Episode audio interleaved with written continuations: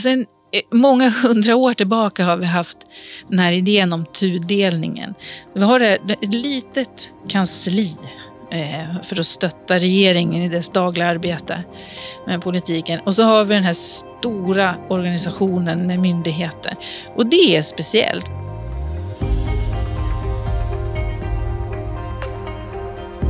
Hej och välkomna till Begreppsbiblioteket, en podd där vi vrider och vänder på statsvetenskapens mest centrala begrepp. Idag ska vi prata om den svenska förvaltningsmodellen eh, och med oss för att göra det har vi Helena Wockelberg som är universitetslektor vid statsvetenskapliga institutionen och som har lång erfarenhet av att både forska och undervisa om förvaltningspolitik. Jag som pratar heter Kajsa Edholm och är doktorand vid statsvetenskapliga institutionen. Helena, hur skulle du definiera den svenska förvaltningsmodellen?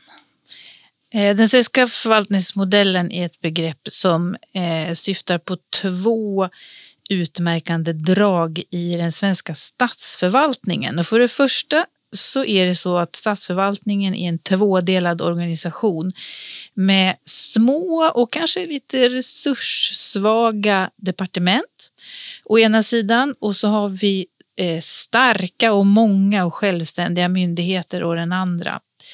Eh, den andra delen av det här begrepp, begreppet fångar upp att det finns speciella regler i vår grundlag som handlar om eh, hur man får styra myndigheterna och det målet med de här reglerna är att befästa och underhålla och stödja att myndigheterna ska vara självständiga gentemot eh, andra aktörer, främst regeringen då tänker vi på.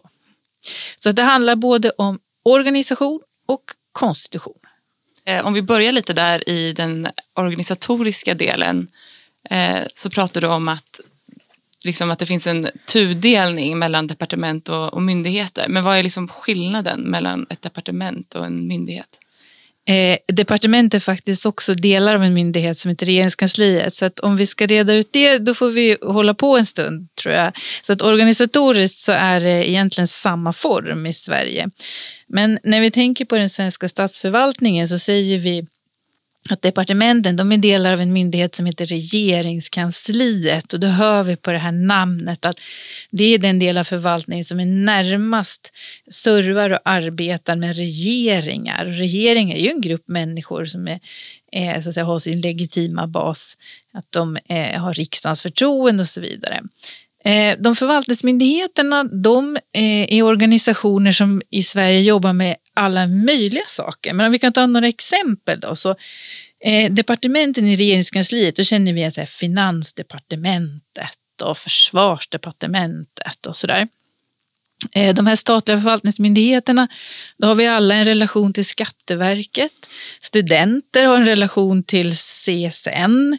Det finns Försäkringskassan. Det finns också myndigheter som jobbar med andra saker än, än att betala ut eh, bidrag eller eh, fatta sådana beslut. Det finns myndigheter som analyserar saker, samlar in statistik, eh, gör alla möjliga olika saker i statsförvaltningen. Och vad är det som är så speciellt med hur departement och myndigheter förhåller sig till varandra i just Sverige? Ja, det kan man ju fråga sig, för alla regeringar har ett behov av att ha en, en statsförvaltning där man ju dels hjälper till att ta fram beslut Eh, till regeringar, för de ska ju eh, hitta på reformer och ge förslag till lagstiftning och så. Men också myndigheter och, förvaltning som kan genomföra de här besluten. Så det är ju inget speciellt med Sverige, utan det svenska består i hur man har organiserat det här. Eh, och det är en, sen många hundra år tillbaka har vi haft den här idén om tudelningen. Vi har ett litet kansli Eh, för att stötta regeringen i dess dagliga arbete med politiken. Och så har vi den här stora organisationen med myndigheter. Och det är speciellt, för att i andra länder så är det mycket vanligare att alla de här verksamheterna och funktionerna som man gör i förvaltningen, de finns inne i departementen. De är liksom enheter i samma organisation. I Sverige så är det olika organisationer. Myndigheter i Sverige har ett eget organisationsnummer. Eh, och det är någonting som sticker ut. Kan vi förstå det då som att vi i Sverige har velat ha liksom skydda fler verksamheter från politisk styrning eller är det något annat som har gjort att vi har fått det här systemet som sticker ut lite? Ja, det där är ju en jätteintressant fråga, för nu tänker vi så här, ja, nu har vi i Sverige, någon slags aktör, suttit och tänkt ut så här, Åh, hur ska vi göra det här bäst? Vill vi skydda de här mer än andra? Eh, det går nog inte riktigt till så när man, man skaffar sig liksom inte en statsförvaltning på det sättet, utan det här är ju någon, en, en organisation då som har väldigt långa historiska rötter.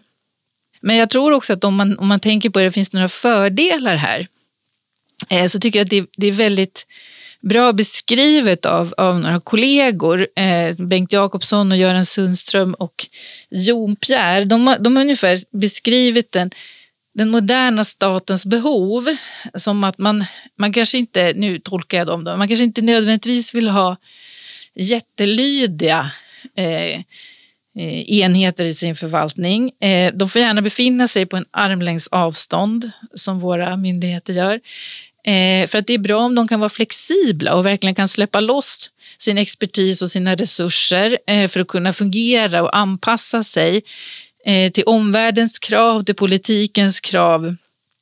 Eh, eh, och eh, flexibilitet måste man liksom organisera fram och då kan det här vara ett sätt på vilket man gör det. Sen säger ju de också då, de har skrivit en bok om det här eh, sättet att organisera och där tar de Sverige som exempel och säger att men modellen bygger också på eh, att även om man inte nödvändigtvis vill ha lydiga liksom, myndigheter så vill man ha lojala myndigheter. Eh, och då kan vi ju påminna oss om att om man befinner sig på en armlängds avstånd så är man samtidigt på en armlängds räckhåll det här med armlängds avstånd för oss in lite på den andra delen, eller hur, av eh, definitionen som handlar om eh, konstitutionella regler för hur man styr. Ja, för att det är, man kan säga att armlängds avstånd kan man ju organisera fram också eh, utan att ha de här konstitutionella reglerna som jag ska prata om nu. Men de hänger samman. Och det är så att i vår grundlag så finns det regler för eh, som jag tänker på det i alla fall, för relationen mellan regeringen och myndigheterna, de förvaltningsmyndigheterna, som CSN kan vi ta som exempel. Eh, och de handlar om egentligen tre olika saker. I debatten och, och ibland så hör man så att det, det det handlar om är att vi inte har något i Sverige. Vi har inte ministerstyre. Och vad är ministerstyre? Ja, men precis. Det är det man ska, liksom jag tänker, man ska bryta ner det då och översätta det till vad är det vi har då eller inte har i Sverige. Så, så kan man säga att minister, i, i ett ministerstyrd förvaltning så, så har enskilda ministrar mycket beslutsmakt och mycket ansvar också för vad som händer. Eh, ända ut så att säga i förvaltningsenheterna. Men i Sverige så är det är det så att i, i grundlagen i regeringsformen så står det att förvaltningen så att säga, lyder under regeringen. Eh, och man, ofta så pratar folk om att ja, men man får styra förvaltningen eh, jättemycket och man bör styra förvaltningen. Sådär. Men, men liksom, det som skiljer är att det står att regeringen, hela regeringen som kollektiv, är den som styr. Så det är det första. Vem är det då som, som får styra? Det andra handlar om ja, men hur får man styra, alltså i vilken form får man styra? Och där finns det krav på att styrningen ska vara generell och formell. Det får inte finnas en massa spontan styrning. Eh, om nu man skulle kunna tänka sig att regeringen som kollektiv skulle sitta och tänka men nu ska vi styra här lite spontant. Nu, nu hör vi av oss till den här myndigheten. Nu vill vi det här. Nu skickar vi en signal.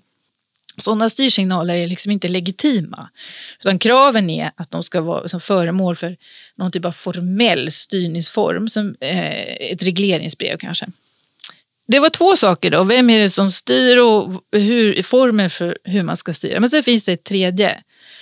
Eh, som oftast kanske är, eller i alla fall ofta en vanlig grej eh, när någon börjar säga så här, nej men nu har, nu har någon ägnat sig åt förbjudet ministerstyre här. Och det är när någon eh, får för sig att försöka påverka en myndighets beslutsfattande i en viss typ av ärenden. Och står det i 12 kapitlet, andra paragrafen i eh, regeringsformen att det får faktiskt ingen göra. Så att när CSN ska bestämma om du ska få eh, studielån, studiemedel eller inte, då är det ett enskilt ärende. Det är myndighetsutövning mot enskild och när man tillämpar lagen som myndighet. Och då får ingen försöka påverka eller, eller eh, ge dig så att säga, inspiration till det ena och det andra. eh, i det här beslutsfattandet. Så om jag är missnöjd med det beslutet, då är det inte en minister jag ska höra av mig till? Nej, det ska du inte göra. Men det, nej, du kan inte klaga hos ministern. Du kan faktiskt inte klaga hos regeringen heller. Mm. Eh, utan du kan bara klaga hos myndigheten. Mm. Därför att det här är ju då en, en, en tydlig här, konstitutionellt skyddad självständighet som, som myndigheten får. Eh, och, och det finns ju som en anledning till det. att Eh, inte bara att man vill ge myndigheter den här makten att sitta och bestämma över oss, utan det är också väldigt tydligt vem är det som bestämmer. När man, när man tillämpar lagen, ja, men det är myndigheten här. Eh, och det är också väldigt tydligt vem är det som har ansvar för det här beslutet. Ja, det är också myndigheten. Så att inom det här skyddade området eh, så är det verkligen, det är upp till myndigheten, men myndigheten måste också stå till svars för hur den har eh, fattat beslut här. Vad vet vi då om den här, liksom, eh, du pratar om en distinktion mellan lydiga och eh, lojala här. Vad vet vi om hur, liksom, är det tydligt för våra ministrar och generaldirektörer var, var gränsen går? Jag tror det är väldigt olika. Jag tror att det är någonting som kräver eh, att man når vissa insikter, att man kanske får en liten crash course Eh, som, som både som nyblivet statsråd då, eller minister som du säger och eh, i myndigheterna. Eh, jag tror att det är ändå tillräckligt ofta som frågan kommer upp om någon har trampat över. Och då gäller det ju oftast den här konstitutionella eh, dimensionen av det hela. Eh, det är inte liksom helt ovanligt om man bara sätter sig och läser K-anmälningar ett givet år, vilket jag gör ibland, så dyker ju det här, det är inte ovanligt att det dyker upp frågan, alltså, var det här okej? Okay? Var det okej okay för regeringen att göra så här? Var det okej okay för en enskild minister att göra så här? Sen har vi ju några liksom, kända fall där där eh, relationen mellan en, eh, en del av regeringen, kanske en minister, kanske ett departement och en myndighet eh, verkar ha varit väldigt så här lyhörd och lojal och mycket kommunikation så att säga. Så att det i efterhand blir lite svårt att, att reda ut vad, vem som egentligen sa vad och vem som egentligen eh, fattade vilket beslut och så där. Så jag tror inte det här är någonting som folk bara liksom naturligt bara eh, förstår hur de ska göra så att man behöver bli upplyst och påmind och utbildad om det helt enkelt. Eh, och du själv då i din framtida forskning, är det något särskilt du kommer intressera dig för vad gäller den svenska förvaltningsmodellen? Ja, jag tror att jag kommer eh, fortsatt behöva intressera mig för liksom väldigt klassiska frågor. Eh, men något som jag är väldigt intresserad av också faktiskt, det är om det skulle finnas ett sätt att närmare förstå på personplanet hur folk och individ rör sig i det här systemet. Vi är ett ganska litet land. Så att det kan ju faktiskt vara så att en expert i en myndighet helt plötsligt är en expert eh, i ett departement till exempel. Det är inte alls ovanligt. Så att bara de här tjänstemännen så att säga i sig tycker jag är jätteintressanta. Hur de rör sig över den här i den här duala strukturen eh, och vad det får för konsekvenser eh, för vem som egentligen fattar beslut om saker och ting. Det tycker jag är en jätteintressant fråga. Mm. Spännande. Eh, tack Helena Wockelberg för att du var med oss i Begreppsbiblioteket idag.